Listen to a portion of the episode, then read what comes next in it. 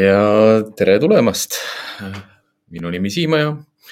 olen Siimaja kooli arendus- ja koolitusjuht. kuulate täna siis Käpapatrulli kahe, kolmekümne teist osa juba jah. proovime olla sellised püsivad ja pidevalt hoida seda lippu kõrgel. ei ole raske väga seda teha ka, inimestelt saame väga palju klientidelt julgustust selle jätkamiseks ja noh, eelmine nädal oli ka selline tore jälle ja, ja teemad, mida ma igaks nädalaks hetkel nii-öelda nagu ette võtan või teemaks püstitan, ongi valdavalt seotud siis eelmise nädala tegemistega, eelmise nädala kliendi kohtumistega, iseenda mõttelendudega ja ka noh, sellega väga palju, et mida ma olen teinud, mida näinud, mida kuulnud, kliendi suhtlused, noh, saan ju kõnesid ja saan kirju ja äh, õnnestub ka selliseid asju jah, et aeg-ajalt on vaja treeninguid ka edasi lükata, sest tegemist on olnud palju. noh, ma loodan, et, et kõikidel on olnud see eelmine nädal kiire seoses lõpetamistega ja mis siin salata, kas ma kas ma mitte eile veel ei näinud, et oli ka veel lõpu, lõpuaktuseid siin-seal. Et ka minul on, noh, endal lähiperekonnas ei olnud seda rõõmu, aga ütleme jah, niimoodi sugulased-tuttavad, head sõbrad, siin oli lõpetamisi nii palju ja, ja mis on Eesti ühiskonnas ka hästi meeldiv näha, on see, et täiskasvanud õppijaid on palju. Ka, ka minu enda tutvusringkonnast ja ka noh, on selliseid üllatusi, et Äh, minu enda ülikooli kursusekaaslased lõpetavad siin veel järgmisi, noh, magistri, magistrikraade saamas ja kes juba teeb teist magistrikraadi ja nii edasi ja nii edasi, et äh, õppiv Eesti on, on see, mille nimel ka mina igapäevaselt tööd teen ja, ja kuhu ka tegelikult päris palju energiat, mõtet ja ka panust saab panna.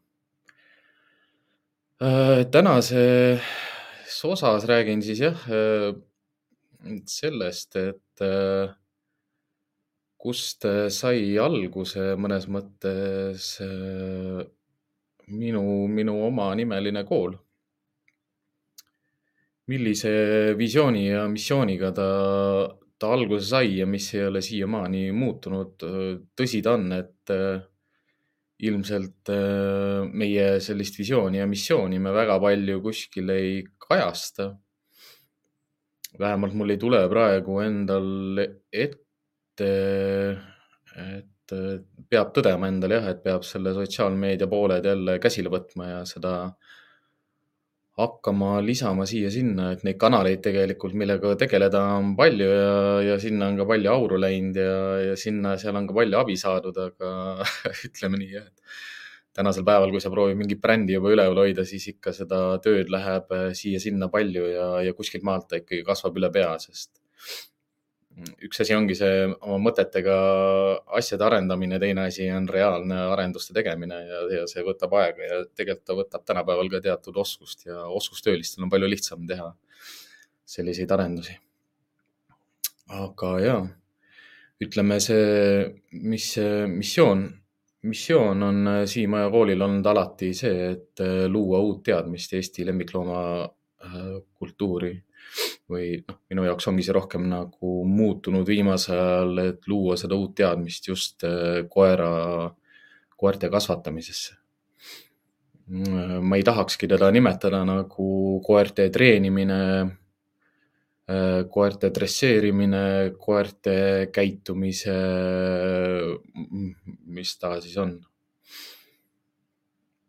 Käitumise muutmine või käitumise parandamine.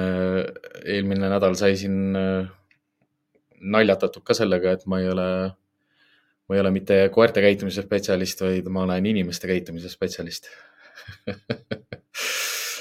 et peab hakkama, peab hakkama Google'is igal pool neid otsisõnasid ära muutma, et inimesed mind üles leiaksid aga, aga noh, see tõsiasi tegelikult, mis ongi, et kui endale koerte treenimisega äh, või kasvõi koerte käitumisnõustamisega tegelemisega, tegeledes nagu kodulehte luues või siis nagu oma neid nii-öelda hüüdlauseid ja, ja brändi nagu üles ehitades, siis sa pead arvestama ka sellega, et kui sa Google'is tahad olla ülesleitav, siis sa ikkagi aeg-ajalt pead kasutama ka selliseid otsisõnu, mis ei lähe otseselt sinu visiooni ja missiooniga nagu kokku. sest ega inimesed ei otsi selli-, sellised otsingusõnad ei ole populaarsed, mida meie valdkondlikult nagu teame enda, endal tõeks peame. see, selle missiooni täitmisega saame, on noh, tunnen, et, et, et oleme kenasti hakkama saanud ja, ja mind on paljud inimesed sellel teekonnal aidanud. seda missiooni ei ole raske üleval hoida ja, ja see edeneb nagu jõudsalt edasi, et eks tihtipeale on niimoodi ettevõtet luues endal selline kiire taga, et, et justkui selline tunne, et, et noh, mul on midagi väga ägedat ja see on minu midagi, mida ma oskan hästi, mis on mulle hingelähedane ja mida ma armastan ja mida inimestel on vaja, aga noh, kõik asjad võtavad aega ja, ja, ja tulebki vaikselt, rahulikult ja, ja stabiilselt rühkida oma eesmärkide poole. et suuresti selle, sellised isikuomadused, ma arvan, ma olen õppinud ka koertelt. noh, kaks, kaks sellist kõige suuremat nagu kasvatajat äh, eluteel ongi olnud ikkagi töötamine vanglas ja, ja töötamine koertega. vanglateenistuses valvurina töötamine annab väga palju sellist enesekehtestamisoskust ja äh, ja ka noh, ütleme, et igasugune selline viha juhtimine ja stressikontroll ka on, on, on tunduvalt nagu paremad ja eks see ka oli see muutus seal ajal, et, et, et see kiirem puberteedi iga läks üle ja, ja said tegelikult nagu inimese ja mehena ka maha rahuneda kuskil, kuskil vanuses. aga ikkagi noh, koerad õpetavad väga palju inimestele seda, et ela, ela hetkes ära hoia nii palju minevikust kinni ja, ja ära,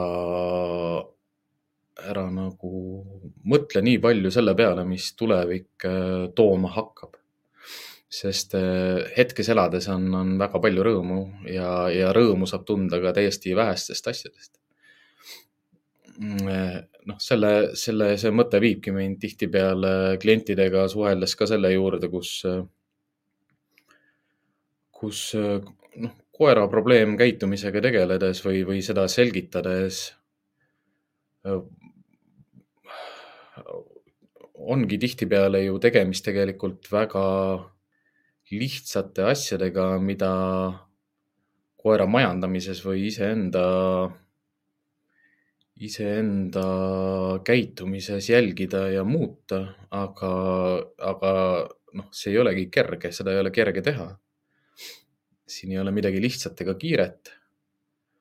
aga väga oluline on tihtipeale ja paljudes aspekt, aspektides vaja lihtsalt maha rahuneda ja aeg maha võtta ja nautida seda, kus sa praegu oled, kes sa praegu oled ja kes sa tegelikult oled. ütleme, et igasugune selline frustratsioon ja stress ja depressioon ju ei ole see, kus inimene on tasakaalus noh, samamoodi ka koer ei ole tasakaalus, kui ta, kui ta peab stressi taluma ja noh, igapäevaselt. ütleme, et sihukest, sihukest lihtsat lahendust ja kerget lahendust ei ole mitte kuskil, aga, aga tihtipeale väga lihtsatest asjadest saab juba koera käitumise palju, palju, palju lihtsamaks. lihtsalt juba sellepärast, et äh, kui inimene rahuneb maha noh, sõna otseses mõttes. olen, ma arvan, sellist lauset isegi klientidele öelnud, et äh, lihtsalt rahune maha. Mm, ja noh, siit, siit tuleb ka see see teine aspekt, mis, mis koerte klientidega suhtluses ja, ja koertega kohtumises ka on, on palju nagu välja tulnud, on, on see, et ega koeral ei ole häda peaaegu et mitte midagi. väga palju lihtsalt kõik see, mis on juhtunud, mis on toimunud, mida koer on teinud, mida koerale on tehtud, mis tal, ma ei tea, kutsikaeas juhtus, mis tal lapsepõlves oli, kust varjupaigast ta toodi, millise inimese, millise koeraga ta varem koos elas. siukseid lugusid ju kuuled ju päevast päeva.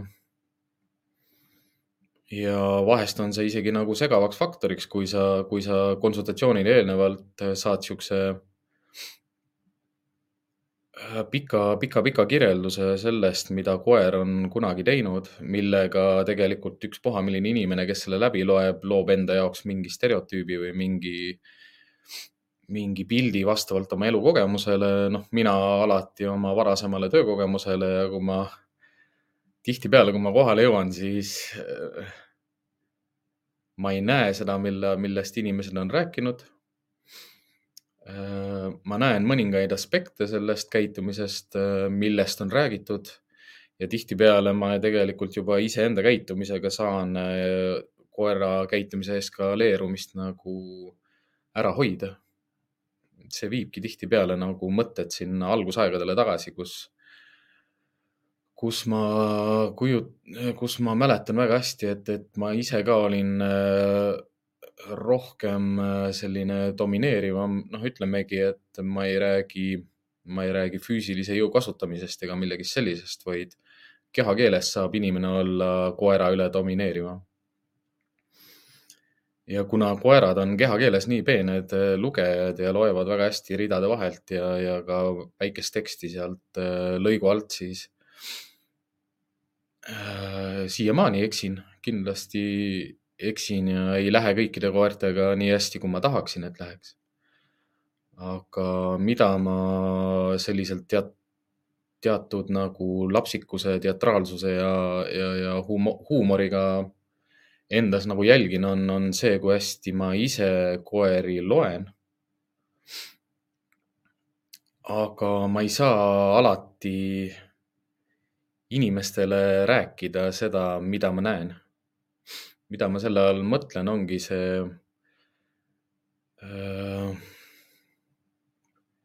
et ma olen enam kui kindel, et inimesed ei saa aru, mida ma proovin selgitada. ma, usun, et mu, mu selline äh, ütleme, koera kehatõlgina on mul veel palju tööd teha, et, et tõlkida koera kehakeelt ja koera olemust ja koera temperamenti, seda koera, kes inimesega on, et teda ära tõlkida oma inimesele. et jah, mul on lihtne, ma loen, ma loen ta ära, aga, aga ma, ma kardangi kõige rohkem seda, et, et ma, ma jätan midagi tõlkes kaduma. ja, ja kohati läheb, noh mitte ainult nagu palju aega, vaid, vaid osaliselt ongi see, et vahest ongi vajalik ja parem, kui ma ei tõlgi ära kui te noh, saate aru, mida ma mõtlen selle all jah, et äh, noh, kuna see podcast'i, kui me podcast'i nime ja, ja slooganid ka mõtlesime välja, et siis ju see teadmatus ei ole lollus. see on olnud minu pikaajaline selline mm, hüüdlause või selline üt, ütlus, mida ma ka tihtipeale klientidele ütlen viimase lausega ennem kui ma ära lähen nende juurest või et eh, noh, ka selliseid lauseid nagu, et nüüd, eh, nüüd, kus sa tead, siis oleks loll seda mitte teha. ja noh, mida mitte teha, on siis tihtipeale need soovitused või, või muudatused, mida ma soovitan klientidel oma elus või oma koeraga suhtluses teha. ehk siis see visioon visioon äh, või noh, missioon, ütleme missioon äh, luua uut teadmist Eesti lemmikloomapidamise kultuuri on, on mitmel rindel läinud nagu töösse ja käima ja, ja toimub pidevalt ja, ja, ja suure, suure noh, lumepallina. no Enge soovib, et jah, et, et ma tooksin mõne näite, kus pole hea tõlkida noh, ma, ma võtan endale ühe sellise hetke mõelda, et nautige vaikust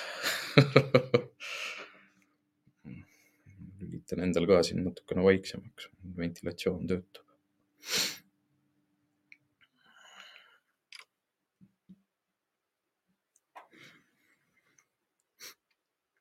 Noh, mul praegu tulebki nagu viimasest ajast lihtsalt noh, tegelikult Enge sinu saadetud videoga seoses tulebki meelde.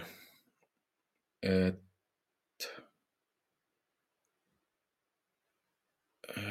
kui ma näen, kui ma näen koera käitumises ära selle hirmu ja ebakindluse, mille mille sisu on kõikuv ehk siis üles-alla, tuleb ja läheb, tuleb ja läheb.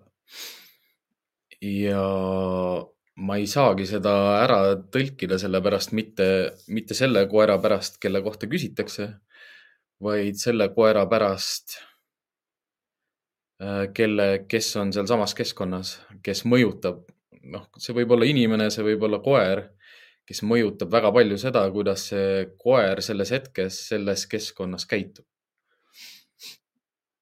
ja, aga mis, mis teebki nagu selle tõlke edasiandmise keeruliseks või, või põhjendamatuks, ongi see, et äh, see, selle, selle käitumise äratõlkimine ei muuda mitte midagi.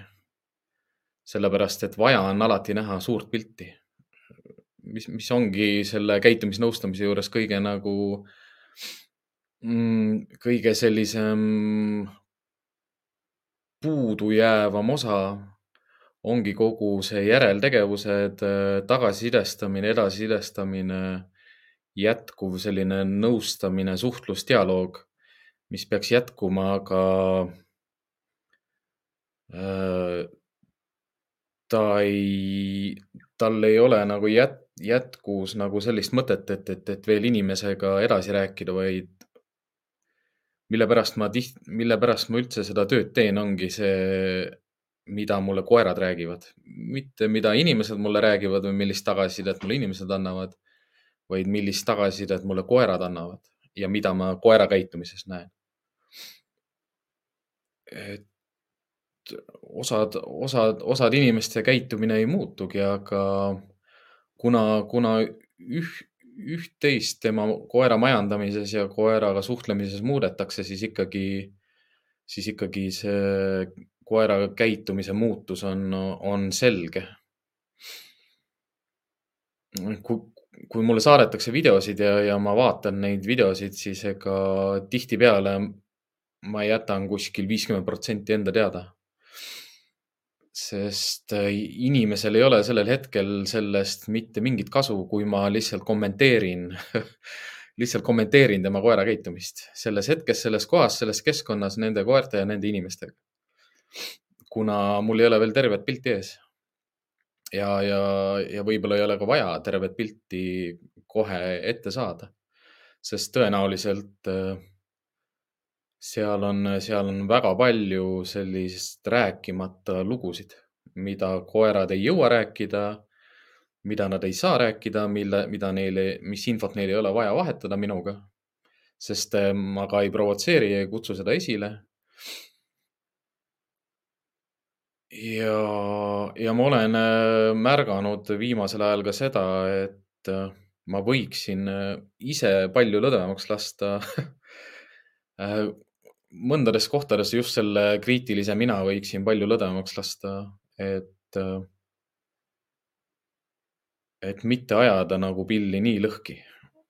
noh, võib-olla see ongi, see on minu asi ka, et, et ma ei koorma inimesi liiga palju erinevate tähenduste ja mõtete ja, ja, ja justkui nagu selliste koduste ülesannetega, millega ma jätan neid üksi sest äh, mõte on see ka, et kui ma kellegi lahti võtan ja ära lõhun ja ta ei tülli või tema maailma või, või koera maailma, siis ma tean, et ma pean sellega alati kokku tagasi panema.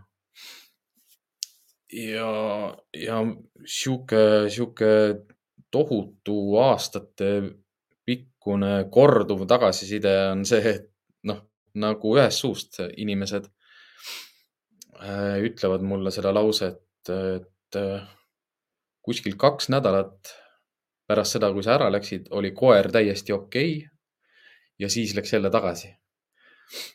noh, ma ise mõtlen selle peale alati seda, et äh, koerad tihtipeale mäletavadki mingeid selliseid õpetatud asju kuskil kaks nädalat, ütleme, kui, kui ma ei ole saanud seda nagu kinnistada, ehk siis iga kahe päeva tagant talle jälle natukene meelde tuletada või jäädagi noh, sinna inimeste juurde elama ja, ja luuagi talle sellise maailma, et, et, et see maailm on selline, et sul on selline tugi maailmas olemas, sul on selline rahulik, enesekindel juht maailmas olemas. et ära muretse, ole rahulik. aga minu naharakud surevad, ütleme selline hea kliima, mis on tubane kliima. kui mu naharakud jäävad sinna põrandale maha ja ruumi laiali, noh, sellepärast õhuvooluga lendab seda minu lõhna kogu aeg tuppa laiali ja hoovidesse, aedadesse ka, ütleme õues naharakk ei ela nii kaua, aga sees kuskil toanurgas hea niiskuse ja hea soojusega naharakk elab, elab päris pikka aega. ja, ja ka koeral endal on see õppimise mälestus veel äh, ja see mälupildid on veel alles nagu mingi aeg.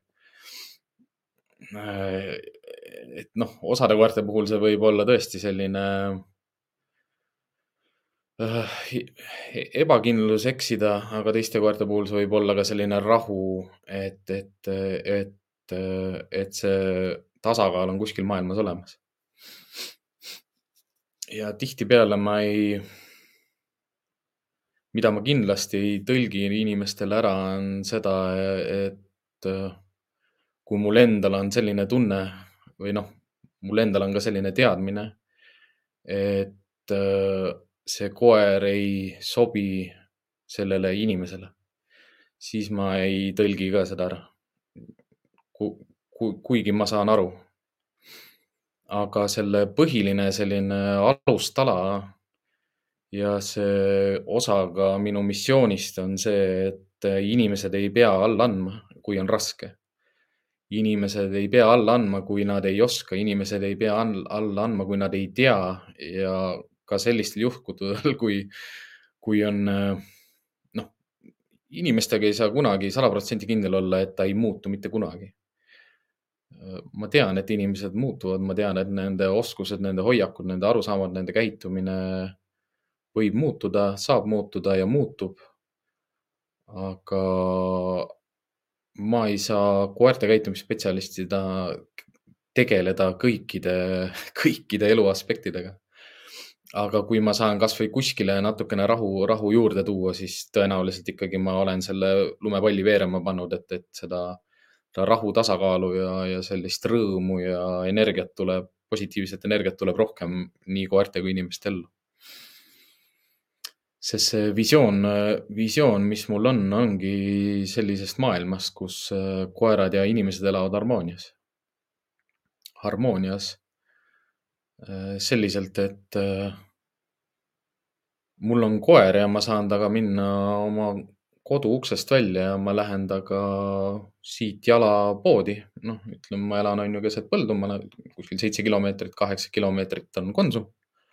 ma lähen koos koeraga poodi, ma lähen ostan poest erinevaid asju, koer on minuga kaasas, jalutab minuga kaasas, lihtsalt kedagi ta ei sega, kõik inimesed mõistavad teda, teised koerad mõistavad teda, mina mõistan teda, tema mõistab mind lapsed mõistavad teda, kassid ei peagi teda mõistma loomad, loomad omavahel suhtlevad ikka nagu loomad üksteisega suhtlevad. Äh, kui mu koer mõistab ka kasse, et, et ka kasse on erinevaid, et koeri on erinevaid ja et inimesi on erinevaid, siis noh, minu jaoks ongi see visioon äh, sellisest äh, unistuste maailmast nagu loodud ja olemas. ma olen saanud seda kogeda ma olen saanud seda luua, ma olen saanud selle sees elada, aga sa saadki nagu koerte käitumisspetsialistina elada nendes maailmades nagu hetke, kui sa oled koertega metsas. kui sa lähed koertega rattaga sõitma, kui sa lähed koera, koertega rulaga sõitma, kui sa äh, oled maastikuotsingul lahtiselt, koeraga koer on lahtiselt seal maastikuotsingutel isegi jälje ajamine rihmastatud koeraga on minu jaoks selline vabadus, sest äh, noh, kõige pikem jälg, mis ma olen ajanud, on viis päeva järjest ja ma arvan, et ma ei ole kunagi nii vähe rääkinud. ja noh, ma ei rääkinud koeraga, vaid ma rääkisin oma baarimehega, kellega koos ma jäljel olin, sest koerajuhil peab alati olema turva, mm, keegi, kes turvab tema, tema vaadet, sest mina vaatan koera kuna koer räägib minuga kogu aeg, kui ta on jälje peal. et noh, siukseid hetki on, on karjääri ja elu jooksul olnud ja, ja kui ma tean, et see on olemas, siis ma tahan seda, ma tahan seda kõigiga jagada. ma tahan, et see oleks kõigile kättesaadav, käegakatsutav ja kogetav ja, ja tajutav ja mõistetav. ja ma ei arva, et see on kaugel Eesti on, on, on, on ühiskonnana väga hea selline näide, kus me suudame võtta mingi asja ja teha seda nagu number ühena maailmas nagu ära. omamoodi, omas mahlas, eestlase rahu ja töökusega aga noh, mis muutuma peab, ongi see diskursus ja, ja teadmus ja, ja tead, teadus. teadus ei pea muutuma, sest teadus, teadus minu jaoks koerte, kõik, mis praegu ütleme kaks tuhat ja edasi on koerte psühholoogias ja käitumises uuritud, on minu jaoks nagu sellised maasikad ja, ja ma nopin ja panen neid äh, uurimustulemusi oma, oma teadmiste, oma oskuste ja oma kogemustega kokku ja, ja noh, möödalaskmisi praegu ei ole, et noh, ma ei tea, kui oluline see on, et, et kumba silmaga, kumb silm on prevalentne, kui koer vaatab inimesele otsa, et noh, eks ta, eks ta oleneb, mis tööd ma teen koertega, ta nagu mõjutaks seda, aga igapäevaselt noh, kas kedagi huvitab nagu see, et kumba, kumba silmaga su koer vaatab sind tihedamini? noh, ma ei mäleta praegu muidugi ka, kas see oli parem või vasak, aga noh, kas on vahet? aga uuritakse ju, noh, mis on uurimustööde nagu mure, ongi see, et koeri uuritakse eksperimenti, eksperimendi korra, noh, eksperimendi meetodil ja ma ei kujuta ette, kuidas uurijad suudavad tagada eksperimendi korra. no nii, et nad saavad öelda, et see on korratav, see on kinnitatud ja nii on, sest äh, ma tegin selle eksperimendi nende koertega selles maailmajaos, sellises kliimas, selle koha pealt. kui sa koera psühholoogiat ja anatoomiat ja, ja käitumist tead, siis sa saad aru sellest, et kui palju muutujaid on seal sees, et, et mingit sellist äh, kvaliteetset tulemust saada, äh, noh, koertega mingist eksperimendist, mis, mida korraldatakse. aga on ka, on ka noh, selliseid eksperimente tehtud, kus ma kindlasti leian selliseid oma praktikast nagu kinnitatud tulemusi. üks selline hästi huvitav eksperiment ongi see, et kuidas koerad ei oska nagu aiast mööda minna, ehk siis kui, kui noh, inimene näeb, et mõlemalt poolt on aed lahti, aga koer tahab saada otse läbi aia, et, et minna võtta see asi, mis seal teisel pool on, siis nad noh, nad ei, nad ei vaheta automaatselt kohe suunda, sest nad ei ole ratsionaalsed, noh, seda ongi, seda ongi inimestele üsna raske nagu selgeks teha, et mida see tähendab, et koer ei ole ratsionaalne või et ta ei ole loogiline või et ta ei ole intelligentne aga noh, see tulebki hästi tugevalt välja siis, kui sa koertega töötad. kui sa, kui sa töötad koertega niimoodi, et nad peavad suhtlema inimestega ja ülejäänud maailmaga. aedade, autode, treppide, redelite, akende, uste, basseinide, jõgede, järvede, noh, veekogude, sammal, värskelt niidetud heinamaa ja nii edasi. et see seda on tihtipeale raske nagu edasi anda, kui ise ei ole kogenud. Katrin küsib, et kas koer ise tajub ka kuidagi, et tegelikult ta ei sobi oma peremehega. ongi siin, siin järgmine teema olekski filosoofia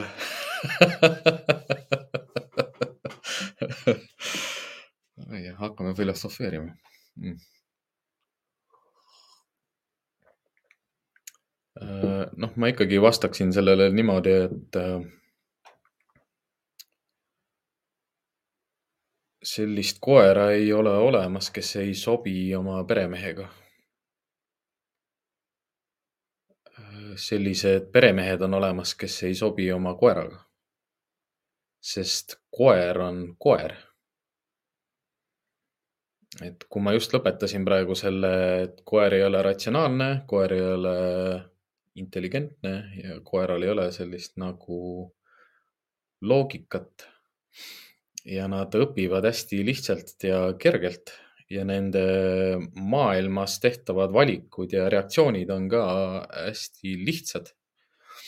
ja kui koer on sotsiaalne ja terve ja kasvatatud koerana, siis nad on kõik ühesugused, noh. Hästi nagu niimoodi, kui selle, see, see, see fookus võtta nagu hästi kitsaks kokku, siis kõik koerad on koerad. Nad töötavad kõik täpselt ühtemoodi. olenemata sellest, et mis tähtkujust ta on, milline temperament tal on, milline energiatase tal on, mis geneetika tal on. Nad kõik töötavad ühtemoodi. Noh, anatoomia ja psühholoogia on neil ikkagi noh, ütleme jah, noh, suures, suures laastus ikkagi sama. et siin on jah, selliseid, ütleme tänapäeval juba aretuses nagu deformatsioone, mis osadel koertel lihtsalt juba segab nagu koer olemast. aga noh, ikkagi selline kogemus nüüd võib rääkida ilmselt juba tuhandetest ja tuhandetest koertest, on ikkagi see, et nad kõik on ju ühesugused. Ja seda nad on suutnud tõestada ka, et hotellis ja hotellis töötamine, varjupaigas töötamise kogemused ja, ja, ja kliendikoertega töötamine ka mida ma klientidele kogu aeg ju pean aeg-ajalt meelde tuletama, sest nad ei usu nagu, et see on nende koer, kellega ma praegu tegelen, et noh, see ei ole ju minu koer, et ta ei käitu ju kunagi niimoodi. ja sa proovid inimesele ära seletada, et su koer ei tea, et ma olen Siim Oja, su koer ei tea, et mul on koerte, et ma olen koerte käitumise spetsialist, su koer ei tea, et ma olen koolitaja. asi ei ole selles, et, et su koeral on mingid alusteadmised minust vaatas, guugeldas järgi, et noh, kes see Siim on, kes tuleb täna, onju, et ta teab seda, mida ma temaga jagasin selles hetkes, selles kohas, selles keskkonnas, sellele geneetikale, sellele koerale selles kohas. Et koer ei, oota, kas, kas koer tajub ka kuidagi?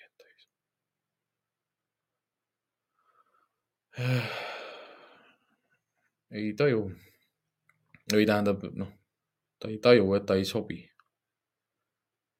koer võib otsustada lihtsalt äh, jällegi mitte ratsionaalselt, vaid ellujäämise vajadusest, ütleme ellujäämisvajadusest või palju, noh, nii-öelda sugu jätkamise vajadusest või paarilise otsimise vajadusest või, või sotsiaalse suhtluse vajadusest lähtuvalt võib öö, käituda vastavalt vajadusele. aga see ei tähenda, et ta ei sobi inimesega.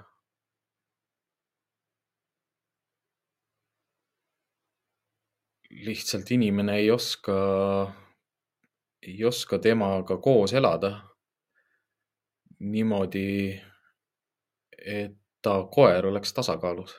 et noh see, kuhu poole me, me tüürima peame ja mida ongi vaja saavutada, on lihtsalt see tasakaal. tasakaalu on raske saavutada koertega ja tõugudega, keda võetakse, kelle kohta tehakse liiga vähe varasemat sellest objektiivset uurimist. et kõik tugevad, töötavad äh, terjerid, noh, nad ei sobi esimeseks koeraks, sest nad on äh, paras väljakutse.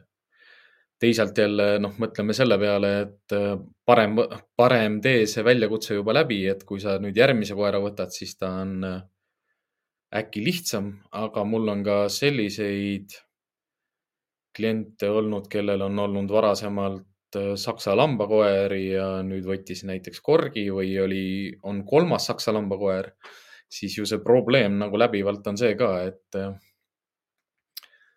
saksa lambakoer kümme aastat tagasi ei olnud seesama saksa lambakoer, mis ta täna aretusest nagu tuleb. Ja noh, aretuse teema, see on üldse nagu tõenäoliselt nagu mitme podcast'i osa, osa teemaks. aga selline filosoofiline ja ideoloogiline lähenemine, mis mul ongi välja kujunenud, ongi, ongi sellist nagu nulltolerantsi vihale, nulltolerantsi mm, agressioonile. ja noh, mõlema, mõlema suunas, et ehk siis koer ei tohiks olla, koeral ei ole mitte mingit õigust olla inimeste vastu agressiivne ja inimesel ei ole õigust olla koera vastu kuidagi agressiivne või domineeriv mm.. ja, ja teine selline suurem, suurem ideoloogiline punkt sealjuures ongi see öö, otseselt öeldes ilmselt maiustuste vähesus maiuste mittekasutamine.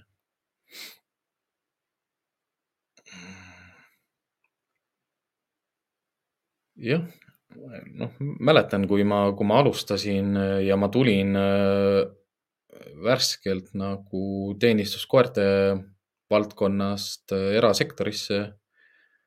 kuna mu teenistuskoerad sõid enam-vähem sihuke pool latti vorsti päevas arvestuslikult äh, treeningu käigus, siis algselt ei olnud kindlasti mul mitte mingit probleemi sellega, et kasutada maiuseid ka kutsikakoolis oli, ma mäletan, jah, ma tegin ju mitu aastat kutsikakooli Betsitis, et ma sain ju poest sain erinevaid maiuseid ja, ja neid sai nagu kutsikakooli treeningutel nagu kasutatud ka. aga ma hakkasin nad järjest vähem kasutama ja lõpuks kasutasin ma maiust ainult selleks, et premeerida siia äh, juurde tulemist. noh, kui Kutsika koolis on palju koeri ja palju inimesi ja sa suudad ühe häälitsusega kutsuda selle kahe poole, kolme kuuse kutsika enda juurde, noh, sa pead seda premeerima. ja see ei saa olla mingi sihuke, noh, mingi kuiv või kaua näritav asi, vaid see peab olema midagi, mis läheb kiiresti alla ja, ja mait-, noh, jah, maitseb hästi, koer ei tunne väga hästi maitset. et see tekstuur peab olema hästi õige et siis ma tegin täitsa niimoodi, et ma ostsin neid pisikesi vorstikesi. ja tegin kuubikud valmis nagu kutsika kooli jaoks, panin äh, kausiga sinna leti peale, et kellel vaja, see saab võtta. aga kuskil kutsika kooli nagu õppekavas ega võib-olla isegi see õppekava on minu arust veel Google'ist otsida, kui kirjutada Kutsika kooli õppekava äkki siis näitabki sedasama, mis, mis mul, mis mul Betsitis oli, et kui keegi tahab, siis võite vabalt kasutada seda õppekava oma Kutsika kooli ülesehitamiseks, kuigi seal jah, ei ole vist tundide kava ei ole. tundide kava ei ole, aga teemad ja kõik asjad on seal üleval ja eesmärgid ja õpi, õpiväljundid. et äh, ma ei kasuta maiuseid. ma ei pea vajalikuks maiuste kasutamist. ma pean oluliseks mängu. ma pean kõige olulisemaks mängimist koertega. Mm, koertega saab ka toiduga mängida, mängin koertega, kes on mul olnud treeningud, noh, minul olnud kodushoiul aga ma kasutan kõiki nagu treeningvahendeid selleks, et luua enda jaoks sellest koerast nagu äh, noh, pilt. selles mõttes pilt, et, et mis teda motiveerib, mida, mis teda ei motiveeri, kui see teda motiveerib, kui kaua see teda motiveerib. Mm, kui tugev nüüd on ta motivatsioon selle ühe või teise asja vastu, aga kuna ma toidu motivatsiooni tugevusse niikuinii ei usu kontekstis äh, teised koerad, kassid, jänesed, kitsed. Mm, ja koer on mul rihmastamata, et selles kontekstis noh, et teenistuskoertega nägi, nägi selle hästi kiiresti ära, et, et sa võidki oma, sa võid ise oma vorsti süüa. et vahet ei ole, kui värske see on või kui suur või, või kui maitsev või kui mahlane või kui nälja, kasvõi kui koer ei ole viis päeva söönud. Ta ei võta su sööki. sest ta ei, teda ei motiveeri see nagu üldse. ma veel õmblesin ju selliseid, ise õmblesin käsitsi mänguasju oma teenistuskoertele, sest äh, poes ei, noh poes ei müüdud selliseid mänguasju, nagu mul vaja on, et kui sa, kui sa näed juba teenistuses töötates ja, ja olles ka, et, et sul on vaja sellist asja ja sellist asja ja seda asja on vaja muuta, ütleme teenistuses, eriteenistustes ka nagu koertega töötates meil läheb vaja noh, miks ongi eriüksused või SWAT ongi ju spe special weapons and tactics ehk siis seal on alati eri erivahendid, erirelvad, eri, vaja erilisi treeningvahendeid ja tihtipeale noh, ma arvan, selline kahe tuhandendate, kaks tuhat kümme ja, ja see aeg nagu teenistusrelvadel oli, oli noh ka teipi ja, ja traati ja meil ei olnud korralikku neid pikatinni reile ja me, me kampunnisime nagu erinevaid asju kokku ja koertega oli täpselt sama, et Eestis nagu koertega töötates sul ei olnud nagu, sa ei lähe, polnud selliseid koerapoode, et sa lähed poodi ja ostad mingi teenistuseks vajaliku mingi vahend endale, vaid äh, mäletan, kaks rihma ma lasin õmmelda ühel naisterahval. ja erinevad vööd ja asjad, suu, suukorvikotid ja igasuguseid asju me lasime lihtsalt õmblejatel õmmelda. tellisime nagu tellimustööd, noh ja täpselt niimoodi, et said ühe või teise koerajuhi käest teada, et, et mida vaja on. ja siis noh, isegi suukorve ju tehti ümber ja, ja me ise ka muutsime. ma panin enda koeral veel sinna alumiiniumil lati, alumiiniumist lati sisse, sest ta hammustas selle paksust kahekordsest nahast suukorvi hammustas lihtsalt kokku. üks, üks reamees sai väga kõvasti haiget et noh, siukseid jah, need, siukseid mälestusi nagu on ja, ja teenistuses sa näed seda, et, et toiduga, toiduga ma õpetan. noh, kuna, kuna enam, ma ei tea, kuidas tänapäeval, ma usun, et siiamaani ikkagi klikerkoolitus on nagu au sees ja klikeriga sa ju juhatad ainult mingi uue, uue oskuse või teadmise sisse sa markeerid selle paar korda ära. kui sa näed koerast, et ta hakkab aru saama, siis sa lähed äh, klikk äh, mängupreemia peale üle, mitte klikk toidupreemia, vaid klikk mängupreemia. Ja, ja siis sa näed seda justkui sellist nagu noh, tal noh, toiduga sa saad nagu stardi teha ja mäng, klikk mäng, seal läheb nagu noh, taevas on piiriks. et see läheb väga kiiresti edasi ja noh, sellest olenemata ikkagi otseteenistusest välja tulles see äh, koolitusfilosoofia ja selline ideoloogia oli ka see, et äh, noh, klikerkoolitus jumala äge ja see, see nagu sobiks kõikidele koertele ja võiks teha ja peaks tegema ja, ja saakski teha ja aga väga kiiresti said aru, et ega sellel koeral, kes on tänaval ja keda saab osta noh, aretusest äh, näituseliini see on nagu tööliinist nii kaugel, et noh, see ongi noh, see erinevus nagu, et üks on Zaporožets ja teine on mitte enam Ferrari, vaid nüüd on juba need hüper-superautod nagu noh, Koenigseegid ja, ja noh, ulme, ulme, ulmeautod nagu noh, ütleme, et teenistus, kui, kui, kui tänasel päeval minna teenistusse inimesena, kes, kellel on olnud kodus koerad ja ta saab endale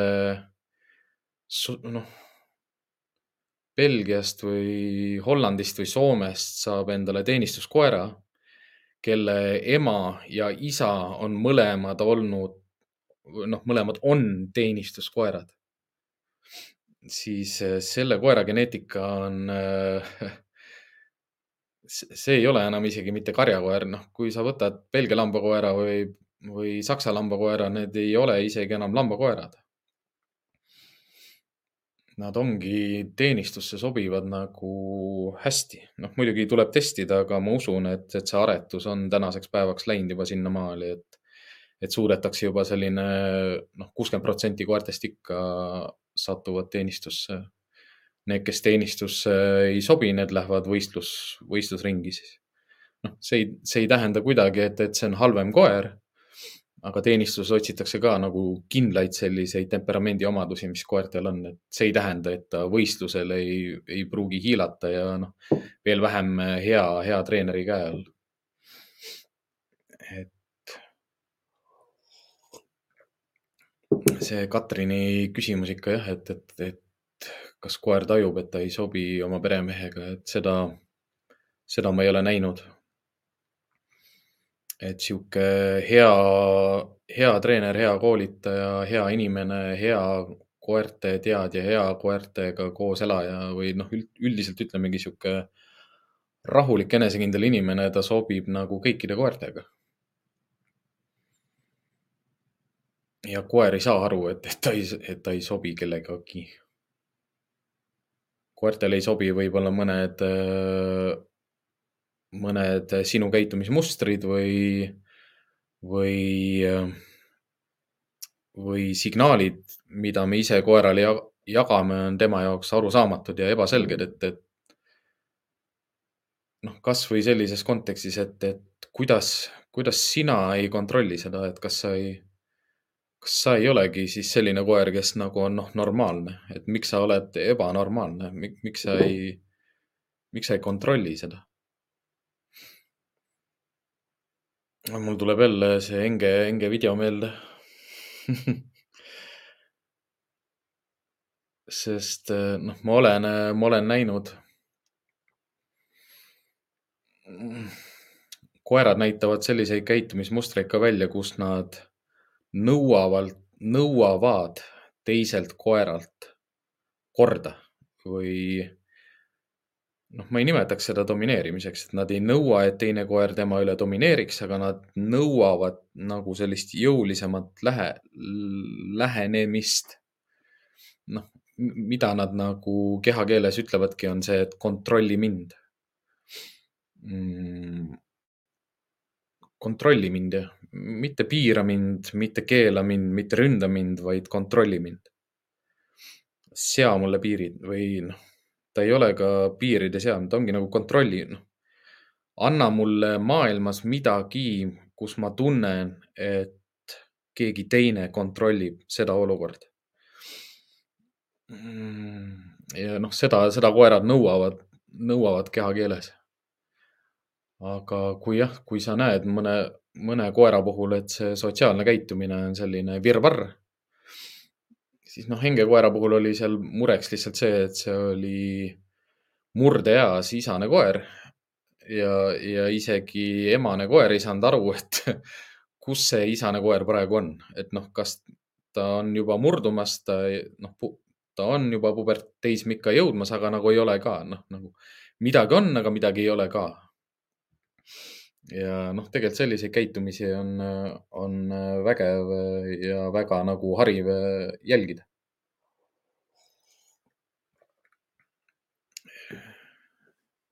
ehk siis selline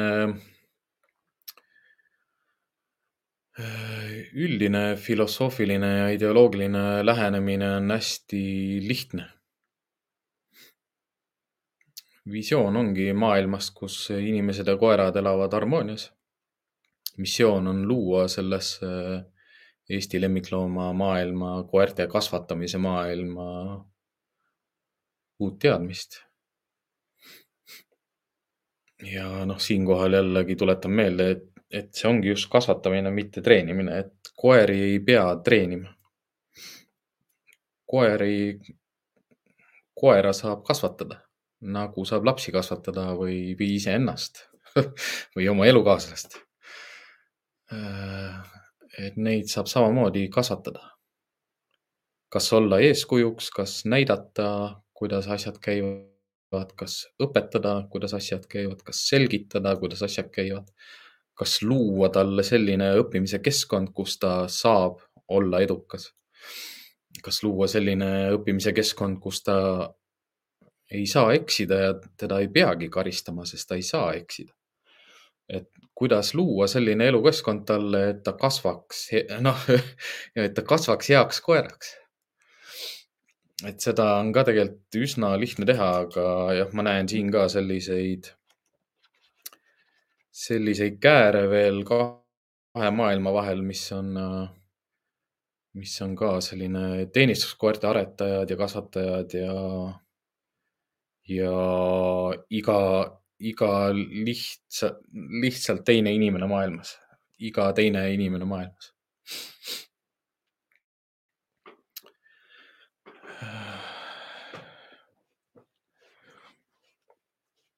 sa mõtled selle mittesobimisega jah, seda, et kui, kui koeral on inimesega suhtluses palju konflikte et, et kui kuidagi ei klapi ja, ja inimene ei mõista oma koera ja koer ei saa aru, miks teda ei mõisteta, et küsimus ei ole, küsimus ei ole selles, et koer ei saa aru, miks teda ei mõisteta, kõik koerad on koerad. see, mil, mida ma enne ka rääkisin, et äh, koer on koer, kõik koerad on ühesugused. Ja koer ei ratsionaliseeri ja ei ei arutle endamisi selle üle ka, et, et miks mind ei mõisteta, vaid see, millest ta, millest ta aru ei saa või mis talle segaseks jääb, ongi jah, inimeste käitumine ja koera majandamine. ehk siis see, kuidas koera majandatakse, kuidas koeraga suheldakse ja kas tal lastakse olla tema, kas ta saab olla tema ise ja konflikte, konflikte, konfliktid. konfliktid peaaegu enamjaolt tekivad frustratsioonist ja nad võivad eskaleeruda ka käitumus, noh, käitumismustrites äh, liiguvad nad alati selles suunas, kus koer tunneb, et äh, toimi, toimus tema jaoks kasulikum tema jaoks meeldiv suunamuutus. noh, seal ongi see mure, et kuna koerad õpivad ko, koerad õpivad väga kiiresti väga lihtsatest asjadest, siis ega kuidas me teenistuskoertele õpetame inimesi hammustama ju ei ole seotud mitte kuidagi nagu koeral sellega, et, et talle meeldib inimesi hammustada, vaid me premeerime hammustamist ja haardes püsimist ja, ja tugevat haaramist aga see ei ole ju kuidagi loogiline või noh, see ei pea olema koera jaoks ei meeldiv ega loogiline ega midagi, mida ta tahab teha või kelleks ta on aretatud, vaid me premeerime seda käitumist, aga seal on, seal on nii mitu aspekti, seal on, see on seotud võitmisega, see on seotud premeerimisega, see on seotud kiitmisega, see on seotud alistumisega, see on seotud domineerimisega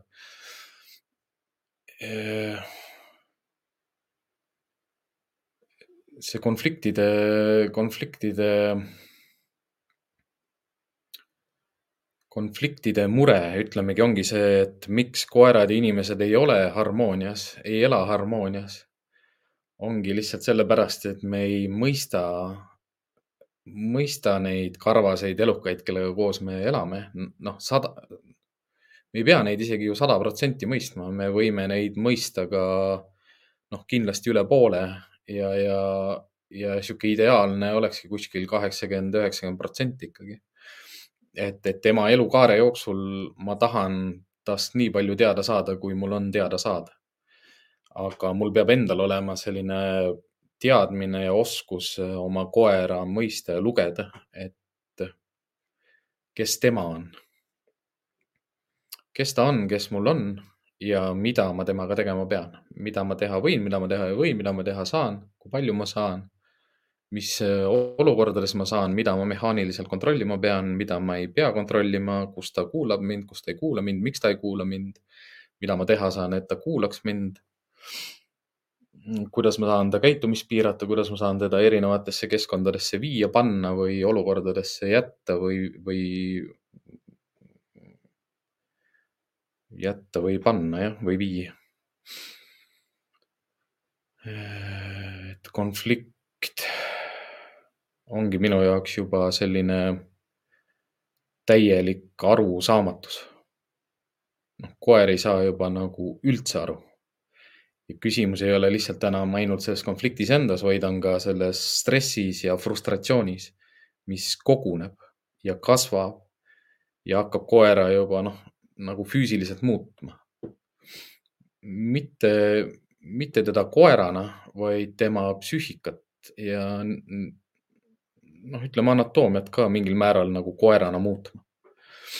ja ka seda, noh, mis, mis sellest käitumisest tingitult on nüüd tema käitumisrepertuaaris veel nagu kor-, korratavalt premeeritud ja kinnitatakse teda, seda talle igapäevaselt veel uuesti ja uuesti ja uuesti.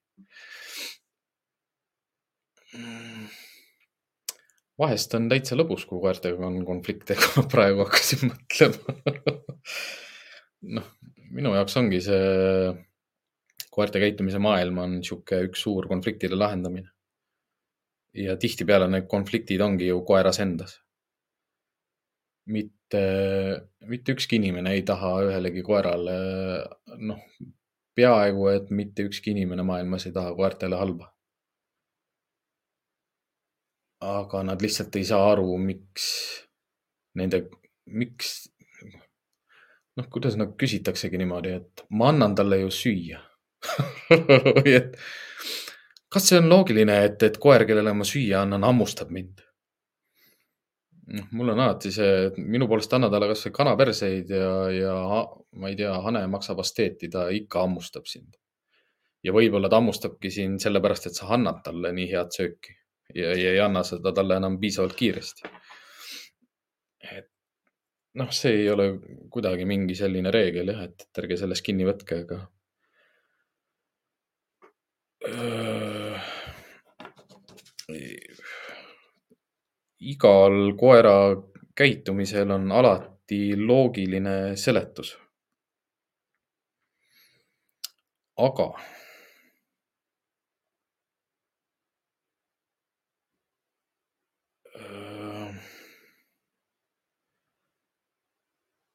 aga seal, seal loogikal alati ei ole põhjust.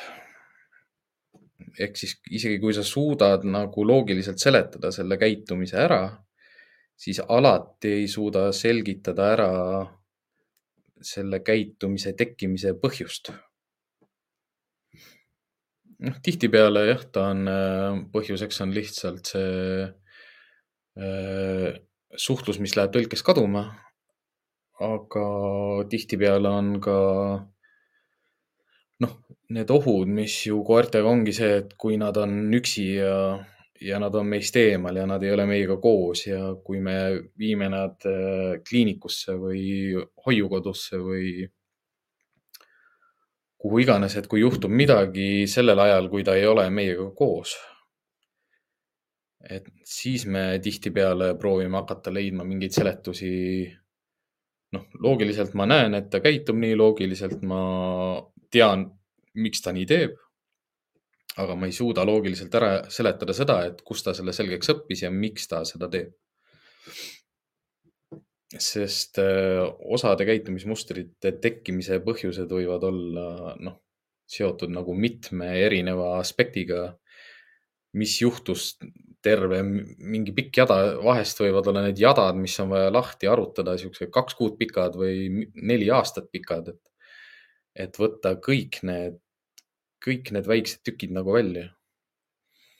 aga mis nagu hotellis töötamise juures on kõige ägedam, on nagu see, et äh, need koerad, kes hotelli tuuakse, sa kunagi ei tea nagu äh, kust elukeskkonnast ta tuleb. noh, sa tead, et ta on koer aga sa ei tea nagu, kust ta tuleb ja millise taustaga, noh, justkui nagu, et millisest kooli, millisest koolkonnast ta sul äh, hotelli tuleb. aga päeva lõpuks on ta ikkagi koer ja noh, sealt sa õpidki hästi kergesti selle ära, et koer on koer.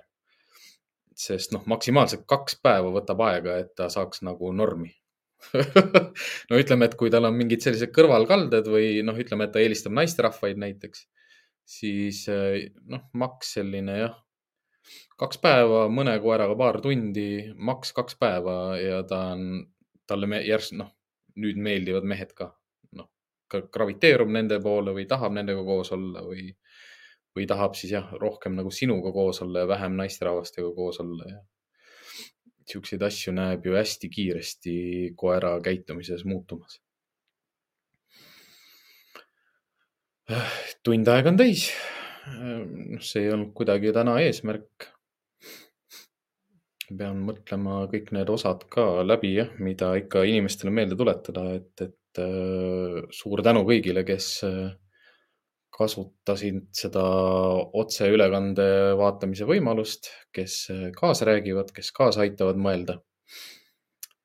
kellele jääb küsimusi igast osast nagu äh, veel nagu kandma midagi või mõte jääb häirima või segama, siis võite oma mõtted ja, ja tagasiside jätta video alla või siis saata kirjutada mul, noh, otsida kasvõi mind Facebookist üles ja kirjutada Messengeri, kirjutada aadressile siimojakool at gmail.com või siis patrullijad at gmail.com, patrullijad kahe L-iga,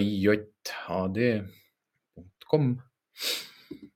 ja vastame kõikidele kirjadele, kõikidele kommentaaridele ja see ilus kommentaar, mis mul praegu eelmisest nädalast meelde tuligi, oli Nahe Koerte Akadeemia tänas meid selle karjastruktuuri ja jalutuskäigu osa eest, et oli humoorikas ja, ja sisukas ja lubas, lubas soovitada kõikidele oma tulevastele õpilastele selle nagu nii-öelda õppevideona ette sööta et suur, suur, suur, suured tervitused ja tänud ka Nahe Koerte Akadeemiale selle eest, et teaks nagu paremini, et kelle, kelle nimi veel siia otse taha panna, et siis ma ei ole sellega veel äh, tegelenud. Äh, Katrin, äh, sul on veel palju õppida. Mul on veel palju õppida. Tervel Eestil on veel palju õppida ja tervel maailmal on veel palju õppida. ja see võibki olla täiesti üks elu mõte mis ei kõlagi nii kehvasti, kui sa oled selline elukestev õppija ja sulle meeldib õppida. siis võtad kõik need õppimisväljakutsed ka hea meelega vastu, aga jah, seal ütleme, õppima, õppima peab ka õppima. Ja noh, mis ongi kõige tähtsam ja olulisem meeles pidada, on see et teadmatus ei ole lollus. näeme teid siis jah, nädala pärast suvel pool üheksa õhtul, kolmapäeviti. olge tublid, nautige ilma, loodame, et tuleb ka vihma ja räägime nädala pärast